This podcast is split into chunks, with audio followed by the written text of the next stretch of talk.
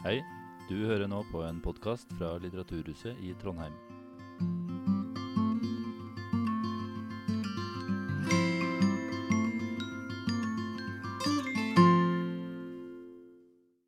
I høst så kommer altså Åsa Linderborg, kjent fra norsken, dansken og svensken på P2. Eh, Skarp dame. Eh, Tittel og innhold er ikke helt klarert der. Derimot så er det litt mer klart med Lena Lindgren, som har skrevet en bok som heter For ekko, og som problematiserer Den har undertittelen 'Algoritmer og begjær'. Og det er da noen refleksjoner omkring hva alle disse medier og algoritmer gjør med oss og styre oss og forme oss og, nærmest eh, forme vår bevissthet og, og de tinga der. Det blir en godbit. Det vil si det blir en alvorlig godbit. Og så kommer Morten Krogvold, fotografen, som også har veldig mange synspunkt på livet og, livet og det der, som det heter hos Olav Duun. Livet og det der. Ja. Ålreit. Men da skal vi sette i gang. Eh, Tittelen har de hørt. 'Det grenseløse forsvar'. I varefakta, eller altså i, i, i eh, programteksten, så står det fra Norge til Europa, Afrika og Midtøsten. Øst-Asia neste? Spørsmålstegn. Er Forsvaret blitt grenseløst? Engasjerer vi oss for forsvaret av Norge, en fredeligere verden eller for USA? Hva skjer her hjemme? Er vi på vei fra nei til stasjonering av allierte styrker og roterende nærvær til omforente områder med særskilte rettigheter for USA, eller til hva? Ingen vil lagre atomvåpen på norsk territorium i fredstid, men de inngår i planene for krise og krig, og opprustningen har skutt fart. Jf. besøket i Tromsø. Grenseløst, det også. I bakgrunnen spøker Russland, og det, og det er ingen enkel nabo. Men hva er klokt? Om Sverre Loddgaard er det å si at han er jo da i dag seniorforsker, og, men har altså tidligere vært direktør ved Norsk utenrikspolitisk institutt. I perioden 1992 til 1966 så leda han FNs institutt for nedrustningsforskning. Må nesten være logoped for å uttale det. Han har vært medlem av diverse viktige organer. Generalsekretærens hør, hør, hør, hør, generalsekretærens rådgivende styre for nedrustning. Her snakker vi ikke om generalsekretæren i noe norsk eh, parti, vi snakker om generalsekretæren i FN, ikke sant? Botos. Ah, Botos, Botos, Botos. Nettopp. Og eh, den norske regjeringens rådgivende utvalg for sikkerhet og nedrustning. Har skrevet masse bøker med vanskelige engelske titler. Derimot så skal jeg til slutt si det som ikke alle vet, men som alle vil uh, vite etter denne kveld. Han er da Gauldalens mest kjente laksefisker. Han har grepet på laksefisking og da går bare ut i elva når, det, når han vet at det går an å ta laks, og da får han alltid laks. Han er da kjent over hele Gauldalen for, for det. Sverre, det var kveldens uh, raske og, og personlige introduksjon. Velkommen er du. Mange takk. Ordet er ditt. Ja, jeg er født og oppvokst da ved elvebredden. Og det en øver på, eh, det blir en da ofte god til. Eh, og nøkkelen er lokalkunnskapen. Og når en da er bitt av basillen og har holdt på med det en stund, eh, så blir det altså resultater av det. Men for å snevre det inn, da, Per Bjørn, så gjelder det her en liten strekning da, sør for Støren. Det er der lokalkunnskapen min ligger. Så det er ikke mer merkverdig enn det. Men takk skal du ha. Og takk for introduksjonen. Du har i praksis lest ingressen. For ingressen er da lik det som står i annonseringen av dette møtet, så jeg kan gå rett på sak. Internasjonale operasjoner først. Hvor langt hjemmefra har vi egentlig tenkt å engasjere oss militært? For ikke å si delta i krig, og hva, og hva er klokt? Internasjonale operasjoner har vi vært med på i all etterkrigstid. Det begynte jo da med Tysklandsbrigaden og feltsykehuset i Sør-Korea under Koreakrigen. Fortsatte med FN-operasjoner mens Dag Hammarskjöld var generalsekretær. Eh, såkalt interposition peacekeeping. Altså hvis man lyktes i å eh, få i stand våpenhvile, så kunne en FN-styrke gå imellom eh, som en slags buffer mellom partene. Det som Dag Hammarskjöld kalte 6,5 med referanse til FN-pakten. Nei, jo, 6,5. 7 er autorisering av tvangsmakt. Og 6 er altså fred med fredelige midler. Så dette var altså fredsbevarende operasjoner 6,5. Eh, Norge deltok ganske tungt i Midtøsten.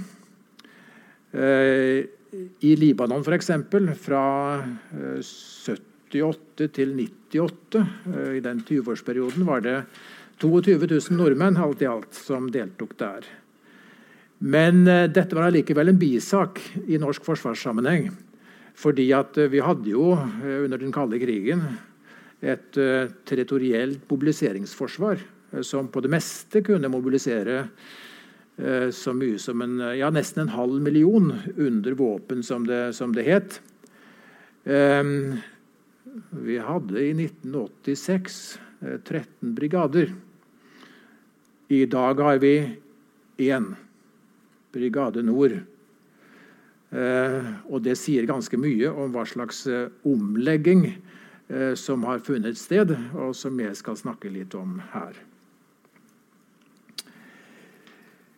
Ja, etter den kalde krigen føye til, etter den kalde krigen så åpnet det seg et større spekter av fredsoperasjoner.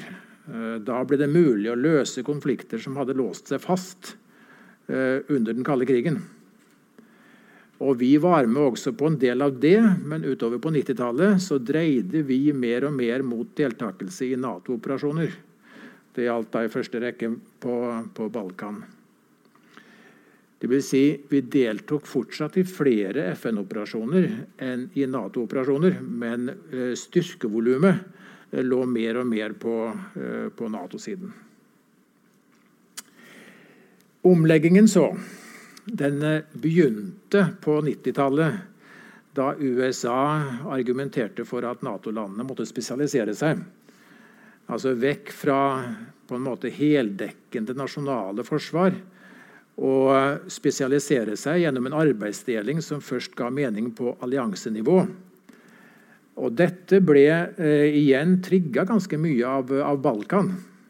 Europeiske Nato-land hadde 1,4 millioner mann under, under våpen. Eh, men hadde problemer med å, eh, med å, stable på beina 50 000 eh, i Bosnia. Man hadde ikke komplementære kapasiteter, som det heter på, på fint. Og USA ville få i stand en endring, en endring der. Endringen kom til å gjelde for de mindre Nato-landene. For de større, altså Storbritannia, Tyskland, Frankrike, de hadde jo større styrker å falle tilbake på og var ikke villige til å kompromisse så mye på, på uavhengigheten. Men eh, små land eh, gjorde da etter hvert det.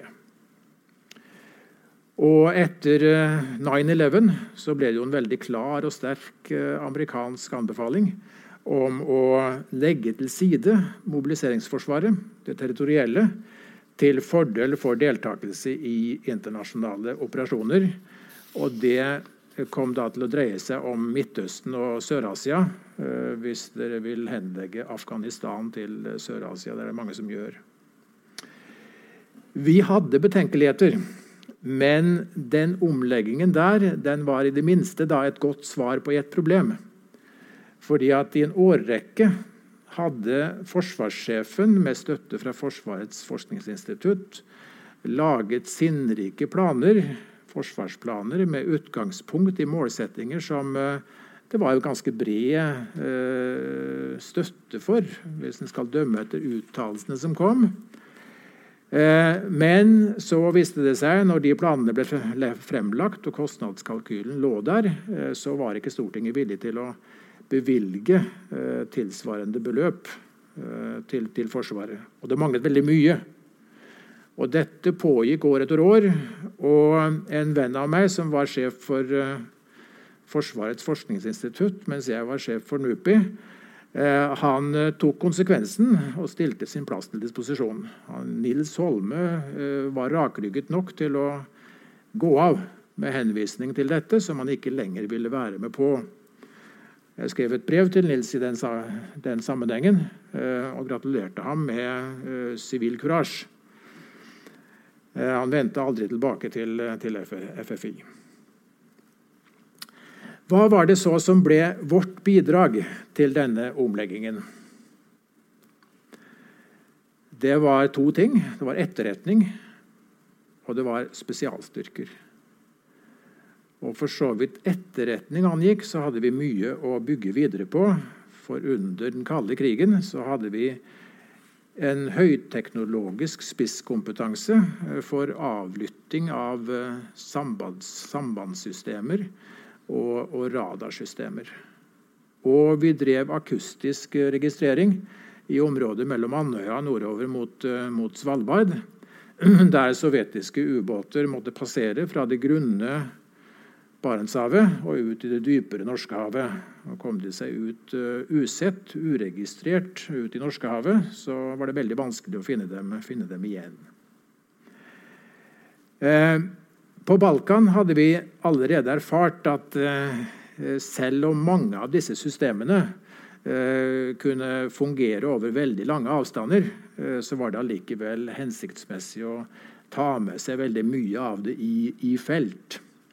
Bare for å illustrere. Eh, signaletterretning kunne spore i felt eh, mobiltelefonene hvor de var. Satellittene kunne fotografere husene eh, hvor de var. Eh, agenter i nærområdet kunne gi utfyllende uh, informasjon om konteksten. Og så var spesialstyrkene der som var i stand til å handle raskt. Altså På denne måten ble norsk kompetanse utnyttet og naturligvis videre utbedret fordi at eh, USA foresto hele tiden oppgradering av det, av det, teknologiske. Som sagt, eh, dette skjøt fart eh, etter, etter okkuperingen av Afghanistan. Så hadde Norge naturligvis også en del andre fortrinn. Vi gir veldig mye bistand. Vi gir mye humanitær assistanse. Vi har store NGO-er som jobber i felt, eh, og vi er kjent for vår fredsmeglingsinnsats. I sjeldne tilfeller så lykkes det faktisk også. Men alt dette der gjorde det lettere for Norge å vinne tillit, tillit der hvor folk ellers voktet seg for å involvere seg med den store, stygge ulven, altså USA. Eh, Krigsdeltakelsen den begynte jo da på, på Balkan, med krigen i, i, 1999. Den var ikke hjemlet i folkeretten.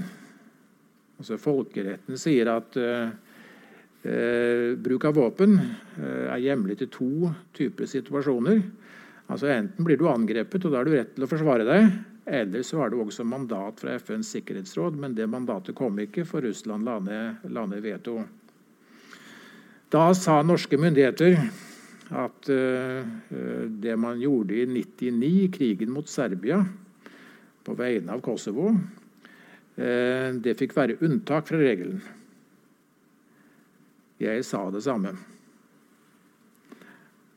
Og Så kan man diskutere om det var riktig eller galt, men i hvert fall lite ante jeg den gangen at eh, det som da ble sagt å være et unntak, skulle komme til å bli den, eh, den nye eh, regelen. For de krigene som da fulgte, og nå er jeg inne i dette århundret eh, Krigen i Irak, krigen i Libya, dronekrigen som Obama drev intenst, utenomrettslige henrettelser eh, altså av eh, fortrinnsvis da, eh, terrorister. mange andre aksjoner var ikke hadde liten eller dårlig eller ingen hjemmel i, i folkeretten. Så etter krigen i Ukraina i 2000, eller annekteringen av Krim i 2014 og det russiske engasjementet i, i Øst-Ukraina, så holdt jo Putin da sin årlige pressekonferanse. Da hadde han brutt all folkerett, han også. Og Den begynner med FN-pakten og fortsetter med den såkalte Budapest-erklæringen fra 1994, som ga sikkerhetsgarantier for, for, Ukraina. Alt det der ble brutt. Blant kritikerne, eller fremst blant kritikerne sto stater som i regelen, more often than not, bryter folkeretten når de går til krig, og noen av dem kriger hele tiden. Derfor sier jeg av og til at jeg har litt sans for hva Putin sa på den pressekonferansen etter Ukraina 2014. Enda godt at de husker på at det er noe som heter folkerett. Han elsket å raljere eh, på disse timeslange, mange timerslange eh, pressekonferansene. Vi deltok ikke i Irak. Vi ble ikke med USA inn i Irak. Hilsen Kjell Magne Bondevik, som da var statsminister, og Torbjørn Jagland, som var formann i utenrikskomiteen. Og veldig mye de to som gikk i spissen der. Og jeg kan tenke meg andre regjeringskonstellasjoner eh, hvor vi ville blitt med. Hvilket ville vært en eh, stor, stor, nesten katastrofal blunder for eh, innmarsjen i Irak var jo en eh, katastrofe. Det skulle jo vise seg. Eh, man sa lenge om konflikten mellom Israel og palestinerne at dette var alle krigers mor. Eh, det var det kanskje en gang i tiden, men det er lenge siden. Etter 2003 så har det jo vært innmarsjen i Irak som har vært alle krigers mor. Som førte til Al Qaida, og så til, og så til IS og, og veldig, mye, veldig mye mer. Men vi, vi deltok etter hvert da litt i uh, Irak også, og i Afghanistan. Og så var det Libya. Og så har vi uh, hatt opplæring av militært personell på grensa mellom, mellom Jordan og Syria, i Erbil i uh, det kurdiske Irak, og i Bagdad også. Visste vi hva vi gjorde? Hadde vi, hadde vi oversikt over konsekvensene? Neppe. Kanskje med det unntak at vi, vi slutta med dette her i, i Erbil, da vi skjønte at uh, de kurdiske soldatene var mest opptatt av å forberede grunnen for en uavhengig kurdisk, uh, kurdisk stat. Og Det kunne jo være en uh, hederlig målsetting, men det var ikke derfor vi i utgangspunktet var der.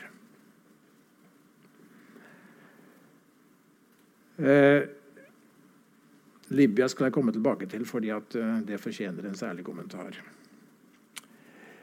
Så omleggingen den skjøt da også fart eh, pga. utviklingen i Russland, med høye oljeinntekter, store inntekter til, eh, til, den russiske staten, som gjorde det mulig å gjenoppbygge eh, eh det russiske militærvesenet. Russland kom opp av grøfta.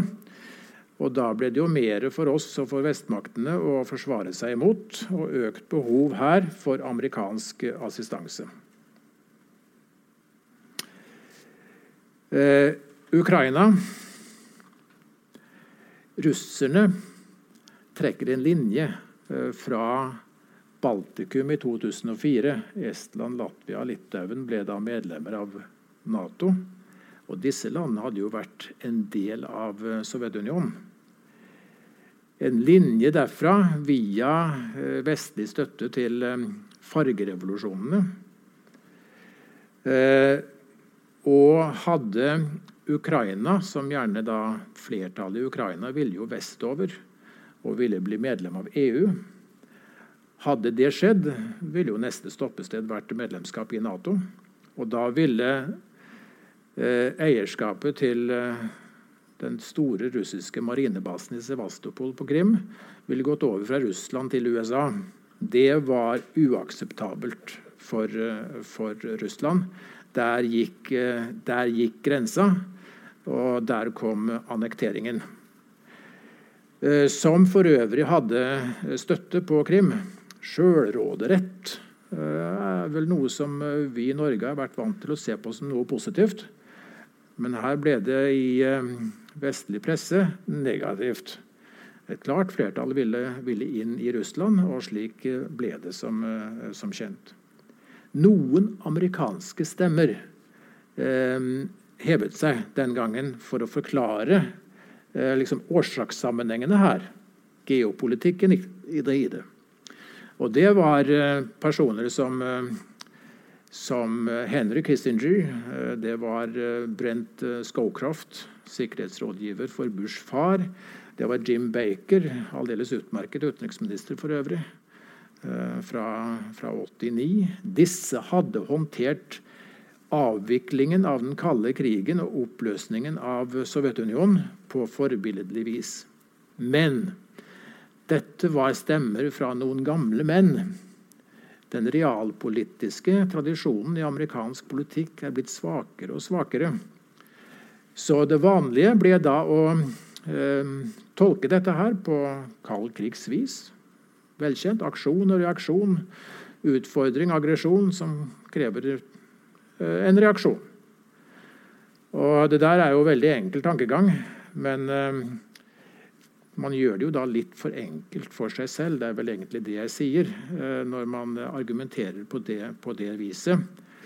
For det går på bekostning av, av forståelsen, altså forståelsen av årsakssammenhengene.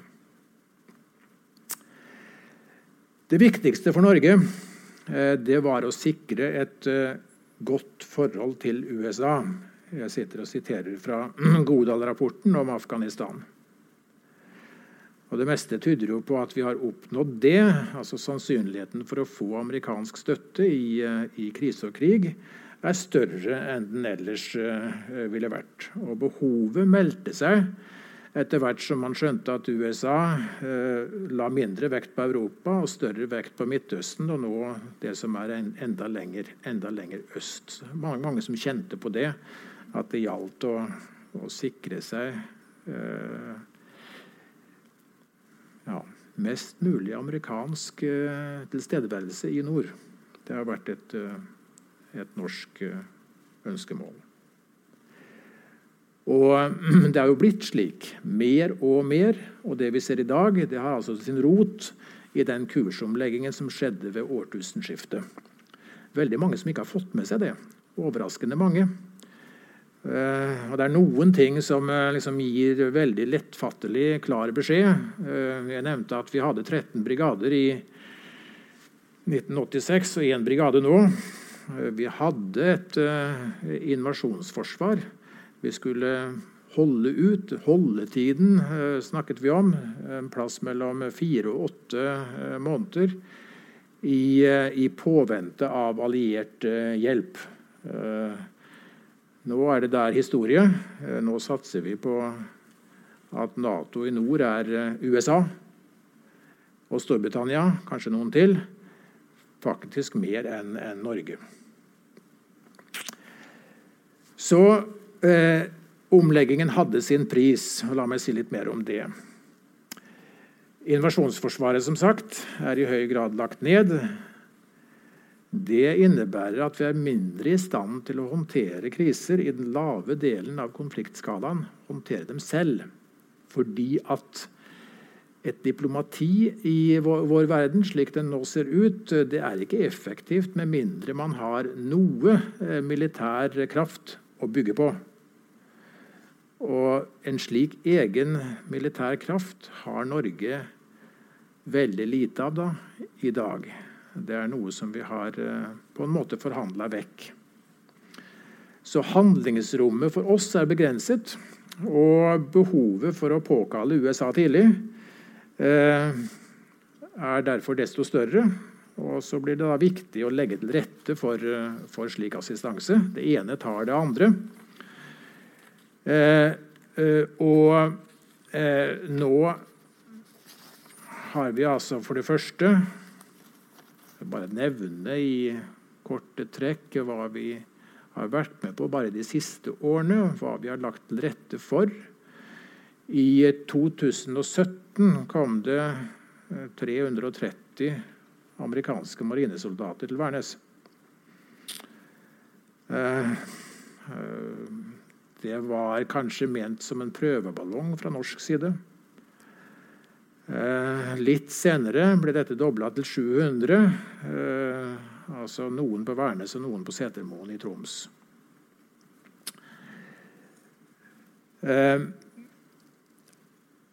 Dette gjorde amerikanerne en ny vri på etter en stund. Men i mellomtida så kom da også amerikanske bombefly, tunge bombefly på, til, til Værnes, opererte i norsk luftrom. Vi fikk eh, hyppigere besøk av ubåter, amerikanske og britiske ubåter. Eh, I de senere årene så er den hyppigheten økt med en faktor på fire, faktisk. Og vi har lagt til rette for adgang til havner og flyplasser med tanke på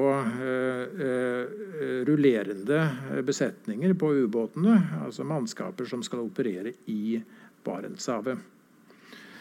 Det er nok uh, operasjoner som ubåteierne styrer selv. Det er ikke vi som forteller amerikanerne og britene hva de skal gjøre eller ikke gjøre i, i Barentshavet. Men vi legger til rette for det Stormakter det er i grunnen poenget, stormakter har alltid sin egen agenda. Eh, vi har nok også en agenda, men den omfatter ikke eh, disse aktivitetene her. Og så til slutt da, eh, har vi fått såkalte operative fellesområder med USA. Dvs. Si USA har fått egne teiger på norske baser Nærmere bestemt eh, Sola, Rygge, Evenes og, og Ramsund. Og Dette er altså områder hvor USA har suvereniteten. Her kan amerikanske militære operere omtrent som de gjør hjemme i USA. De kan gå inn og ut eh, av disse enklavene eh, sømløst, som det, som det heter. Mannskaper kan gå inn og ut, og de tar med seg de våpnene som de finner det for godt å ta med, med tre forbehold. Det ene er da ingen atomvåpen, jf. den norske selvpålagte restriksjonen om dette. Ingen lagring av atomvåpen på norsk territorium i fredstid. Men den, den, eh, den restriksjonen den er ikke utfordret. For i moderne tid så eh, har USA ingen behov for å frembasere eh, atomvåpen. De kan føres inn på veldig kort varsel hvis man, hvis man, så, hvis man så, ønsker å bruke dem. Og så kan de heller ikke bringe med seg landminer og klasebomber, fordi vi har tiltrådt de humanitære konvensjonene. De tre forbeholdene eh, ligger der. Men eh, eh det er egne vakt, vaktmannskaper Eh, på, på, disse teigene. Og de er altså helt ut under amerikansk kontroll, amerikansk suverenitet. Dette har gått altså veldig, veldig langt. Og det gikk politisk sett veldig, veldig smertefritt. Vi pleide under den kalde krigen, og vi gjør det fortsatt, å snakke om at um, forholdet til Russland skal håndteres med en kombinasjon av avskrekking og beroligelse. Nå er avskrekkingen uh, et spørsmål om gjengjeldelse uh, mot Russland. Tidligere var det et spørsmål om holdetid, som jeg sa. Eh, det seige invasjonsforsvaret i påvente av allierte forsterkninger. Og beroligelse eh, har det gått nedover med. Fordi at de eh, allierte styrkene som deltar i nord, eh, de har gjerne sin egen dagsorden. Eh, som sagt, Det er ikke noe som vi kontrollerer. Vi, en, vi har alltid vært interessert fra norsk side i forutsigbarhet. Så norske militære aktiviteter under den kalde krigen og fortrinnsvis etterpå eh, eh, var preget av liksom, Det ble lagt i bestemte mønstre, så russerne kunne se liksom, normaliteten i dette. Men eh, nå har uforutsigbarheten kommet inn som et uh, tungt element, og det har gått på bekostning av, uh, av, beroligelse. Så nå ser vi altså til fulle nedsiden ved den omleggingen som eh, ble foretatt for, for 20 år siden. Norge er altså trukket dypere inn i rivaliseringen mellom stormaktene. Oppsummert For små land er det alltid eh, avgjørende viktig å kunne spre avhengigheten på flere andre, slik at man får litt større handlingsrom. Og Derfor var Norge alltid interessert i å legge sine sikkerhetspolitiske saker, anliggender, i Nato-rammen, den multilaterale. For der kunne jo eh, flere land eh, danne uformelle koalisjoner og demme opp for bestemte stormaktsønsker som man ikke så seg, så seg tjent med. Men eh, eh, denne eh, ordningen som jeg nettopp nevnte, altså fellesarealene, de amerikanske teigene på, eh, norske, på norske baser, eh, det er altså en ren sak mellom Norge og USA. USA er mindre og mindre interessert i å legge ting i, i, Nato. Mer og mer interessert i å legge tingene bilateralt i forhold til eh, enkelte eh, Nato-land. Og for USA er det jo, er det jo logikk i, i, det. Men eh, jeg syns vi har malt oss opp i et hjørne her. Så hvor ble det av basepolitikken, da? Under den kalde krigen så var vi veldig nøye med at bemanningen på lyttestasjonene rundt omkring i Norge de ble jo da bygd eh, med amerikanske penger og eh, etablert med amerikansk teknologi. Bemanningen skulle være norsk for ikke å komme i konflikt med basepolitikken. Stasjonering av uh, utenlandsk militært personell på norsk jord, det sa vi nei til i uh, 1949. Dette har vært en Vi har vært igjennom en slags glideflukt når det gjelder eh, basepolitikken. og Det er ikke engang veldig interessant å diskutere om det ene eller andre er brudd på basepolitikken. Jeg hadde en eh, gemyttlig, hyggelig samtale med en tjenestemann i UD for en, for en tid tilbake, eh, hvor eh, jeg sa at jaha, nå lar vi altså utenlandsk militært personell få, få, få stasjonere seg i, i Norge på mange forskjellige måter, mange forskjellige hauger. Eh, ja, sa han, eh, men, eh, men familiene eh, er ikke med. Dette er for noen noen år, siden. Ja, så sier jeg at men det sto ikke noe, sto ikke noe om familiene i, eh, i, vedtaket om eh, basepolitikken fra 19, 1949. Nei, jeg måtte være med på det, da. Uansett hva man her har gjort, så har som det offisielle Norge sagt ikke brudd på basepolitikken. Stasjonering av soldater på, på Værnes i, på Setermoen ikke brudd på basepolitikken. Eh, teigene, som det da kalles, eh, på, på, norske baser med amerikansk eh, full råderett. Eh, ikke, stasjon, ikke, ikke, brudd på basepolitikken. Eh, jeg vil si at det er jo ikke noe igjen da, av eh, basepolitikken. Eh, men eh, å føre diskusjon i slike termer er det brudd på basepolitikken eller ikke, det er ørkesløst. Fordi at Nå har vi lang erfaring med at nær sagt uansett hva vi gjør, så vil det offisielle Norge si at å nei, da, det er ikke brudd på basepolitikken. Så der er vi. I global sammenheng så er vi nå en del av et klassisk sikkerhetsdilemma. Eh, nye militære utfordringer, eh, trusler, eh, blir møtt med samme mynt. Aksjon og reaksjon. Internasjonal sikkerhetspolitikk er ikke det sto, sto, spor bedre enn en tilfellet var under den kalde krigen. Like primitivt, og kanskje enda mer primitivt, fordi at nå er det større kompleksitet i det hele og mye mer, mindre forutsigbarhet. Under den kalde krigen var det jo ekstremt forutsigbart. Alt var forutsigbart på godt og vondt. Vi satt og diskuterte vegger opp og stolper ned under den kalde krigen om det var mulig å etablere ordninger for rustningskontroll, f.eks. Et og annet lite tillitsskapende tiltak. Og som regel var eh, svaret nei, det er ikke mulig. Det ble liksom alt sammen i den samme fastlåste rammen. Nå er det slik igjen, men med ett unntak, som gjelder forholdet til Russland.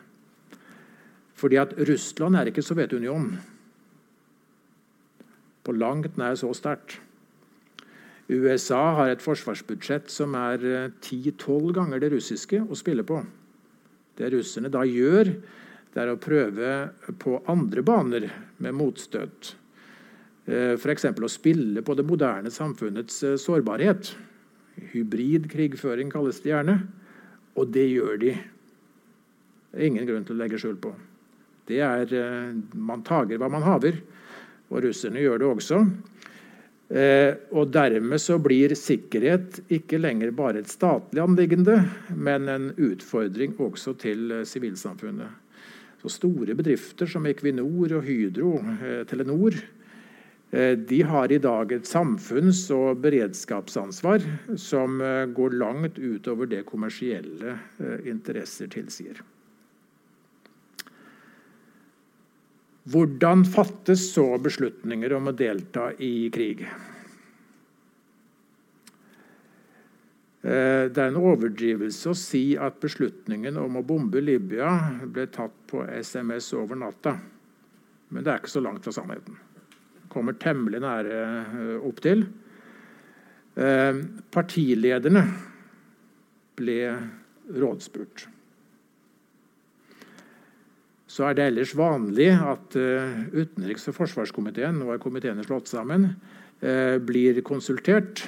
Uh, utenriksminister Støre sa han ville, var rede til å orientere utenrikskomiteen. Dette var på en torsdag, tror jeg. Eller kanskje det var på, på fredag. I hvert fall sa komitéformannen, som nå er utenriksminister, at eh, nei, det gikk ikke fordi at komiteen hadde bestemt seg for å ta helgefri. Og Da hun i neste uke skulle forsvare seg, eh, så var svaret men beslutningen ville jo blitt den samme likevel. Altså, her, Jeg skal ikke henge ut utenriksministeren, som er en kunnskapsrik og, og debattfør person. Men det var veldig mange i den situasjonen som ikke eh, skjønte alvoret i situasjonen. Vi bombet da Libya bante veien for eh, opprørerne til, til, Tripoli. Det var ikke meningen at eh, vi skulle gjøre fullt så mye, da. I hvert fall var det ikke meningen i FN-resolusjonen. Men her kom vi lettvint til en beslutning om å delta i, i denne krigen. Fikk mye ros for effektiv bombing. Um, det er ikke slik man skal treffe vedtak om å delta i en krig. Altså, Å gå til krig er en alvorlig sak, for pokker. Jeg var innkalt til høring eh, med komiteen, utenriks- og forsvarskomiteen i, i Stortinget og invitert til å legge fram mitt syn på hvordan dette egentlig burde være. Og det å informere partilederne og å holde ting i utenriks- og forsvarskomiteen hvor ting kan holdes hemmelig, eh, det er ikke godt nok. Eh, det bør være debatt i eh, Stortinget, åpen debatt i Stortinget om slike alvorlige spørsmål. I eh, København så er det jo slik. Danskene ordner seg slik. og Der er det til og med Folketinget som treffer beslutningen. Eh, det mener jeg er galt tenkt av danskene. For hvem skal så føre kontrollen på Folketinget? Det fins ikke noe svar på det. Så eh, min mening er at ja, vi bør ha en åpen debatt i Stortinget. Og da vil det bli klart hva som er flertall og mindretall og så kan det parlamentariske systemet ordne resten. Eh, regjeringen er forpliktet til å følge stortingsflertallet. Og på den måten så, også, på den måten så ligger ansvaret i siste instans til eh, regjeringen.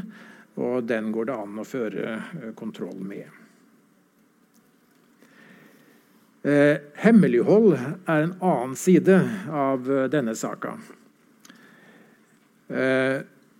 og her har jeg inntrykk av at det også er en glideflukt på gang. Det blir litt mer og mer hemmelighold. Og det er ikke lovverket, tror jeg, som det er noe i veien med, men det er praktiseringen av det.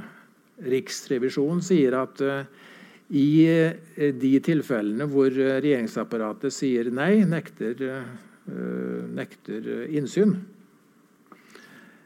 der har de i en en tredjedel av tilfellene ikke holdbart, folk, holdbart rettslig grunnlag. Det er ganske, det er ganske ganske alvorlig. Og jeg har vel en følelse av at dette sprer seg, som sagt. Altså at kulturen endres litt. Ehm, vi solgte våpen til Emiratene, ehm, som det ble en del styr om eh, for kort tid siden. Ble disse våpnene brukt i Jemen eller ikke? Og det er ikke kardinalspørsmålet i denne sammenhengen, for uh, slikt er veldig vanskelig å finne ut av. Ble norske våpen brukt i Jemen? Ingen vet svaret på det, ja eller nei. Men poenget er at det norske lovverket uh, det sier at uh, vi ikke skal eksportere til land som er i krig eller borgerkrig, eller hvor krig eller borgerkrig truer. I dette ligger et føre-var-prinsipp som vi brøt i den sammenhengen. Og Så er man da interessert i å i å se regjeringen i kortene, slik som Aftenposten gjorde. Prisverdig nok, og stilles nå for retten for det. Fordi at man offentliggjorde ting som ble forsøkt holdt, holdt hemmelig. Det er ikke godt, det der. Det norske demokratiet er allment godt, men det der er ikke, er ikke bra. Og i Frode Berg-saka likedan. Eh, den verserer jo fortsatt. Eh, hvor offentligheten inn, gjerne vil ha mer innsyn, eh, men eh, nektes i det lengste av, anført av de som hadde ansvaret for den operasjonen inn i Russland, altså Frode Bergs reise til Moskva. Sivilombudsmannen er det siste som er kommet over. Sivilombudsmannen hadde tidligere rett til innsyn i regjeringsnotater og tilsvarende dokumenter. Og Nå kom det til en kortslutning i Stortinget nå nettopp, som innebærer at han ikke har den eh, adgangen lenger. Jeg bare reiser spørsmålene her, eh, men det er ganske mange av dem. Og det ser for meg ut til at eh, det er et forsøk her på å stramme inn praktiseringen av, av lovverket, slik at det blir vanskeligere å få innsyn. Så hva er fortsettelsen på dette her, da? Eh, hvor langt eh, kan vi stekke oss ut av eget land og over i andre verdensdeler og delta i militære operasjoner og være med å føre krig? Skal vi stekke oss enda lenger østover, til Sør-Kina-havet? være med USA der. Ja, da vil vel mange si at ja, men det er vel litt langsøkt eh, at vi skulle kunne være med på det. Ha! Spol 20 år tilbake, eh, da vi ble med inn i Afghanistan. Afghanistan! Det var vel ikke alle som hadde hørt om, om landet. Eh, et ukjent land i, i, Asia. Jo da, vi ble med, og ikke bare det. Vi eh, har kriget der i 20 år. Hvem kunne trodd det? Når det kunne skje, eh, så tror jeg vi skal være fullt åpne for at vi også kan bli med USA i styrkedemonstrasjoner i Asia. Og Det som da eh, vil være det norske bidraget, det første man da tenker på, det er jo en fregatt. Eh, det er bare det at eh, det er enda færre enn det var av den sortens eh, ting. Så det så, det er ikke så lett, det heller. Og så er det F-35 da, som er eh, operativt sammen med USA, naturligvis. Jeg tror vel fortsatt det var derfor vi valgte det, primært. For at vi skulle være helt ut uh, operative sammen med, sammen med, USA. Men uh, det, kan, det, kan, komme til å gå så langt at uh, vårt engasjement i militære operasjoner det er bokstavelig talt grenseløst. Det leder meg over til det andre sporet, hvor jeg skal være kortere. Betydelig kortere. Eh, I 2017 eh, ble forbudstraktaten lagt ut til eh, signering. 120 land ca. Eh, var sammen om, om det. Forbudstraktaten eh, sier nei til enhver bruk av atomvåpen, også bruk i gjengjeldelsesøyemed og eh, forbyr alt innehav av eh, slike våpen.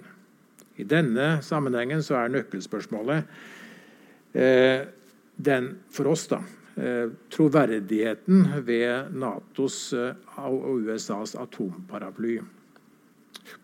Atomparaplyen skulle da forsikre oss om at om nødvendig vil USA bruke atomvåpen i vårt tilfelle mot Russland, i forsvaret av Europa, av de allierte i, i vår verdensdel. Og Noen av disse våpnene, ca. 150 av dem i fem europeiske land, de er da knyttet opp til USAs langtrekkende atomvåpen for å gjøre det hele mer eh, troverdig. De fem landene det er altså Belgia, Nederland, Tyskland, uh, Italia og, og Tyrkia. Ca. 150.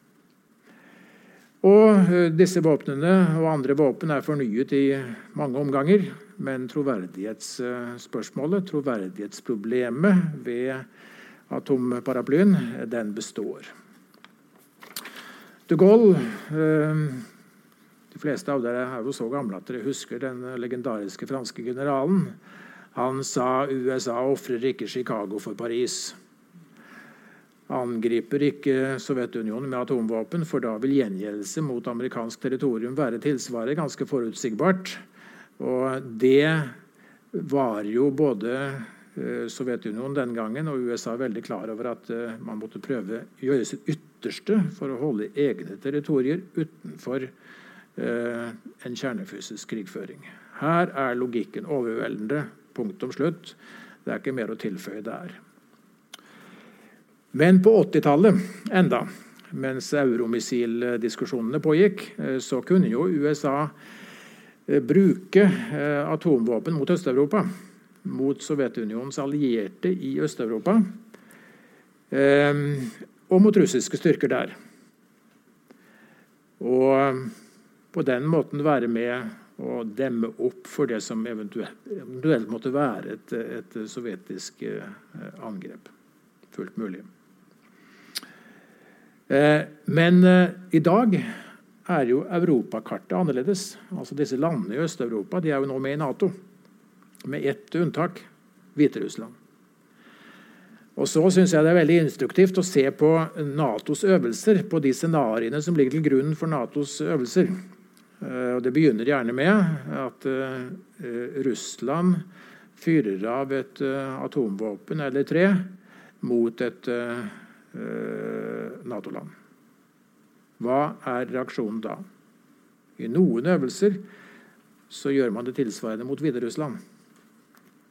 Men om krigen fortsetter, så er det jo grenser for hvor mye mening det gir å bombe Hviterussland. Eh, I andre øvelser derimot så svarer man med konvensjonelle våpen. Og Her kommer et viktig poeng. Konvensjonelle våpen kan i dag settes inn så presist at eh, de kan erstatte mange av de bruksmåtene som man hadde tillagt atomvåpnene. Og konvensjonelle motangrep eh, kan man jo også tenke seg mot støttepunkter inne i Russland. Altså de områdene i Russland som som da understøtter en eventuell offensiv vestover. Alt dette her i, i Nato-terminologi. Så eh, Ja, det gjenstår ett spørsmål. Eh, disse 150 som befinner seg i eh, europeiske Nato-land.